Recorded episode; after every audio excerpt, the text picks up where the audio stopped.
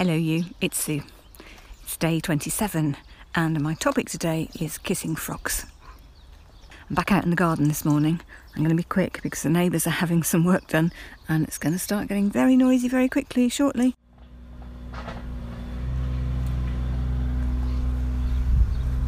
There you go, you see. Morning timepiece, all a bit shattered.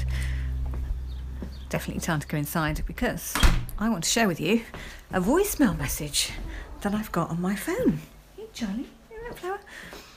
Each day this week, I've been asking for some advice from someone I know who's made a change to their career. So have a listen to today's message and see if you've got an inkling why I might have decided to call today's thoughts Kissing Frogs.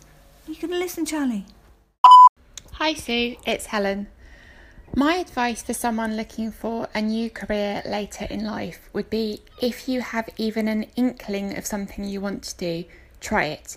You don't have to stick to it forever, but try it for six months and see where it takes you. Because you never know, it might be that one thing that's going to work. Hope that helps. Bye. What do you think? Did you get the kissing frogs connection? I'm going to come back to that idea but first, I'll tell you that I met my friend Helen several years ago. I can't even remember how many, on one of my training workshops. Like me, she was working in internal communications and had been for a good while. I can't remember how it was that we came to stay in touch, but we did. And over time, I've come to know Helen as one very gutsy woman who I like and admire very much. One of the things that's always struck me about her during that time is that she just tries stuff, even stuff that might be well out of her comfort zone.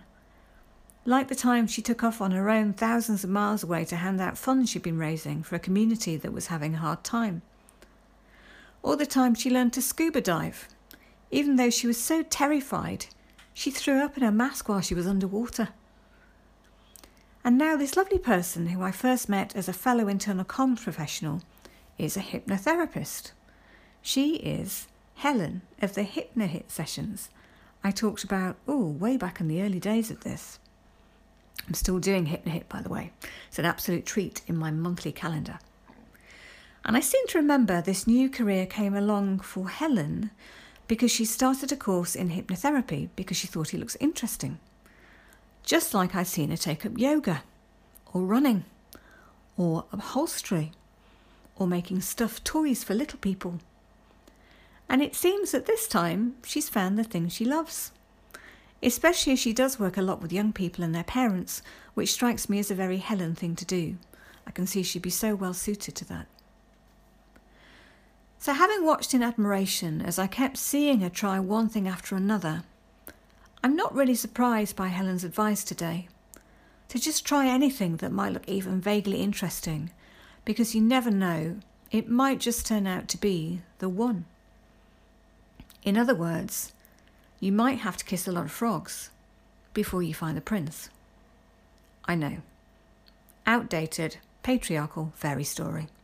And it turns out marrying a prince in the British royal family might not always be what it's cracked up to be. But anyway, you get the idea. So I've been sitting thinking about Helen's advice and thinking it's a bit like relationships or house hunting. Both of those things, in my experience at least, can be a bit dispiriting if there just seems to be no one or nothing out there that feels really you. But at the end of the day, you don't need to find loads of them you like. You only need to happen upon one. And you just have to keep looking until you find it. It took me a while to realise that when it came to relationships.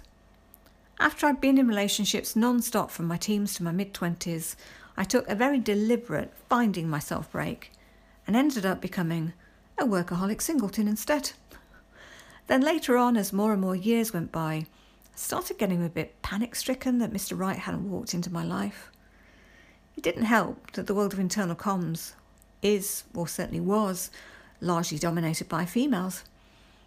A friend helpfully told me at the time that I should stop training internal comms people and switch to training telecoms engineers instead because they were all men.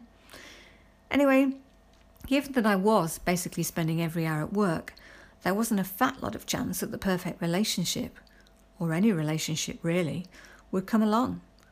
because I was never putting myself in situations where I was likely to meet someone.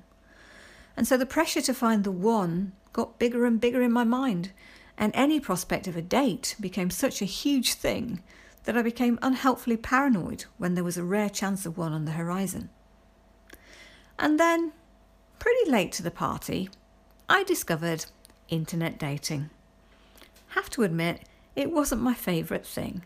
I didn't much enjoy meeting person after person and discovering there was no spark with any of them, but I kept looking and I kept trying people out, so to speak, and I realised that the whole dating thing was no longer a big thing. It was just another drink, another dinner, another whatever, and if we liked each other, we did, and if we didn't, we didn't. And that's when I met my husband. Not through internet dating, but at a dance class. Because, yes, I decided by that point that I should stop being a work hermit and get myself out there a bit. And I noticed this guy at the classes every week, and I thought he seemed quite nice and quite fanciable. And so one day I asked him out. Yeah, I asked him out. Me. Pre internet dating, I would never have even contemplated it.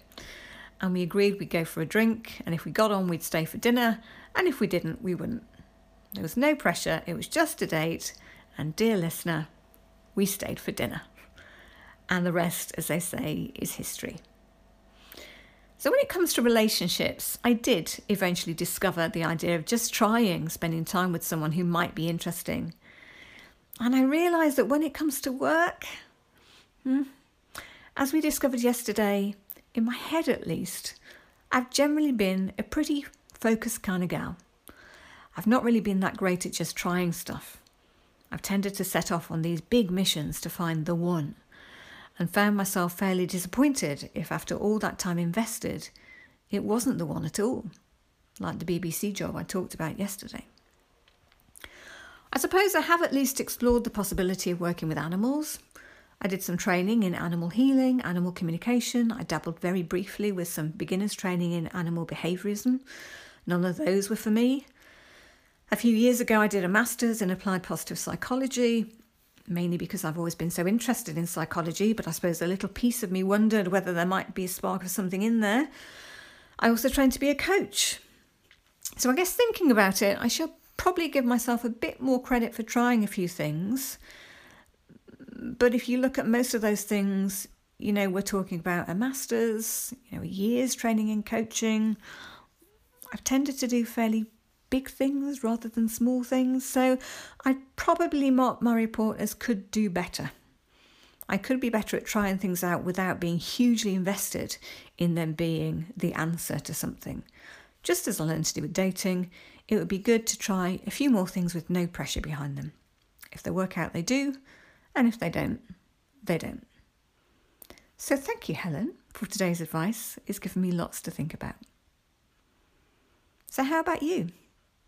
Have you been a speed dater when it comes to trying out different types of work? Or did you find yourself the one early on and stick with it? How might it feel to be back in the work dating game now, a bit later in life? And is it worth creating a few more opportunities to try things out? no strings attached. That's it from me today. Thanks for your company. Looking forward to hopefully some more advice from someone tomorrow, and I will talk to you then. Take care.